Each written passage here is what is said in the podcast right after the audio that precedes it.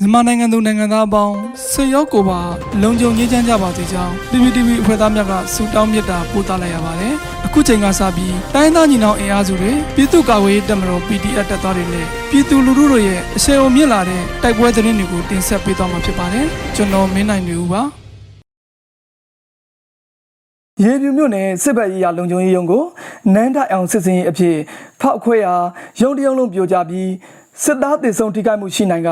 စစ်ကူလာတဲ့စစ်ကားကိုထပ်မံမိုင်းဆွဲမှုစစ်သား9ဦးတေဆုံးတဲ့တဲ့တင်တင်ဆက်ပါမယ်။တနင်္လာရီတိုင်းရေပြူမြို့ရှိဘက်ကနဝရီလန့်ရှိရေပြူမြို့နယ်စစ်ဘက်ရေးရလုံခြုံရေးတပ်ဖွဲ့စရဖယုံအားဇူလိုင်လ23ရက်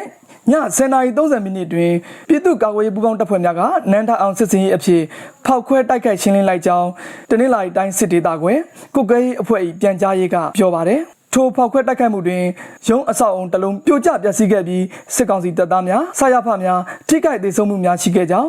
ဖောက်ခွဲတိုက်ခိုက်ခံရတဲ့ဆရာဖရုံးထံသို့ရေပြူနောက်ဘက်ကမှာစစ်ကားသုံးစီးဖြင့်စစ်ကူလာတဲ့စစ်ကောင်စီတပ်သားများကိုပြည်သူ့ကာကွယ်ရေးတပ်ဖွဲ့များကဗရေတာမိုင်းဖြင့်မိုင်းဆွဲတိုက်ခိုက်ခဲ့ရာစစ်ကားနှစ်စီးမှရှေ့ဆက်မရဘဲပျက်စီးသွားပြီးနောက်ကြံတစ်စီးမှပြန်လှည့်ပြေးသွားကြောင်းသိရှိရပါတယ်စစ်ကားသုံးစီးကိုမိုင်းဆွဲတိုက်ခိုက်မှုတွင်စစ်ကောင်စီတပ်သား9ဦးသေဆုံးခဲ့ပြီးအများအပြားထိခိုက်ဒဏ်ရာရရှိခဲ့ကြောင်းပြည်သူ့ကာကွယ်ရေးတပ်များကနန်းထအောင်စစ်စင်ရေးများထပ်မံဖော်ဆောင်သွားရန်ရှိ၍ပြည်သူများအနေဖြင့်စစ်ကောင်စီနှင့်ပတ်သက်သူများစစ်ကောင်စီ၏ယုံအဆောက်အုံများနှင့်ကင်းကင်းနေရန်ပန်န်ကြားလိုကြောင်းတင်းလာရီစစ်ဒေသကွယ်ကိုကဲရေးအဖွဲ့ပြန်ကြားရေးကသတိပေးထုတ်ပြန်ထားပါတယ်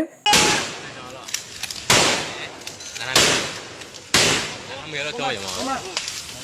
ဒီလိုဒီကောင်တော့တော့ပြေတယ်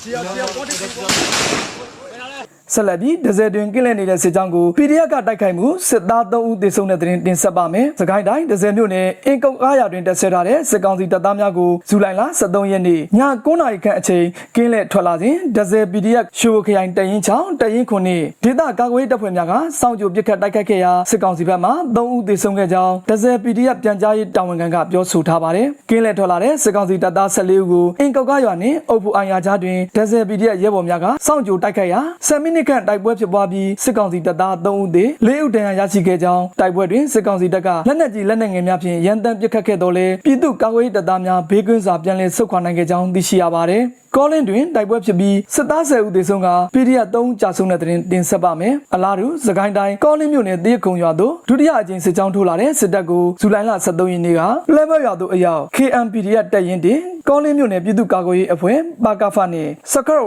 ဝါရာ UG ပူးပေါင်းတပ်ဖွဲ့များကတိုက်ခိုက်ခဲ့ကြောင်း Calling Revolution KR ရဲ့ထုတ်ပြန်ချက်အရသိရှိရပါတယ်။စစ်တပ်စစ်ကြောင်းကို PDF ပူးပေါင်းတပ်ဖွဲ့များကလိုက်လံပစ်ခတ်တိုက်ခိုက်ရာအပြန်အလှန်ပစ်ခတ်မှုများရှိခဲ့ကြောင်းစစ်ကြောင်းဟာလက်ဝဲရွာမှမြောင်းကြီးရွာသို့အကူလမ်းတွင် PDF ပူးပေါင်းတပ်ဖွဲ့များကမိုင်းဆွဲတိုက်ခိုက်ရာစစ်သား10ဦးသေဆုံးကြောင်း Calling Revolution KR ကသတင်းထုတ်ပြန်ပါတယ်။စစ်တပ်နဲ့ PDF တပ်ဖွဲ့များ၏ပစ်ခတ်မှုအတွင်းပြည်သူ့ကာကွယ်ရေးအဖွဲ့ဝင်2ဦးနဲ့ PDF ရဲဘော်2ဦးကြာဆုံးကြောင်းကြံ4ဦးဒဏ်ရာရရှိခဲ့ကြောင်းသိရှိရပါတယ်။နောက်ဆုံးအနေနဲ့အမျိုးသားညီညွတ်ရေးအစိုးရပြည်ထရေးနှင့်လူဝင်မှုကြီးကြပ်ရေးဝန်ကြီးဌာနက2022ခုဇူလိုင်လ15ရက်ရက်စွဲနဲ့ထုတ်ပြန်တဲ့ပြည်သူ့ခုခံတော်လှန်စစ်တရင်အချက်လက်တွေကိုတင်ဆက်ပေးသွားမှာပါ။အာဏာသိမ်းအကြမ်းဖက်စစ်အုပ်စု၏ပြည်သူလူထုအပေါ်အကြမ်းဖက်ဖိနှိပ်ဖမ်းဆီးတိုက်ခိုက်တပ်ဖြတ်နေမှုများကိုပြည်သူလူထုတရက်လုံးကအသက်ရှင်သန်ရေးအတွက်မိမိကိုယ်ကိုမိမိခုခံကာကွယ်ပိုင်ခွင့်အရာပြည်သူ့ခုခံစစ် People Defensive War ကိုဆွေးနွေးလျက်ရှိပါတယ်။တရင်အချက်လက်များအရ14ရက်9လ2022ခုကြာသပတေးနေ့တွင်စစ်ကောင်စီတပ်ဖွဲ့ဝင်65ဦးသေဆုံးပြီးထိခိုက်ဒဏ်ရာရရှိသူ16ဦးအထိခုခံတိုက်ခိုက်နိုင်ခဲ့ပါတယ်။စစ်အာဏာရှင်စနစ်မြမမြေပေါ်မှာအပြစ်တိုင်ချုပ်ငြိမ်းရေးနှင့် Federal Democracy တည်ဆောက်ရေးအတွက်ငြိမ်းချမ်းစွာဆန္ဒပြသည့်လူထုတပိတ်တိုက်ပွဲများကပြည်내နှင့်တိုင်းဒေသကြီးများမှာဖြစ်ပွားပေါ်ပေါက်လျက်ရှိပါတယ်။မြေပြင်မှာယခုတွေ့ရှိရတဲ့သတင်းအချက်အလက်များထက်ပို၍ဖြစ်ပွားနိုင်ပါတယ်ခင်ဗျာ။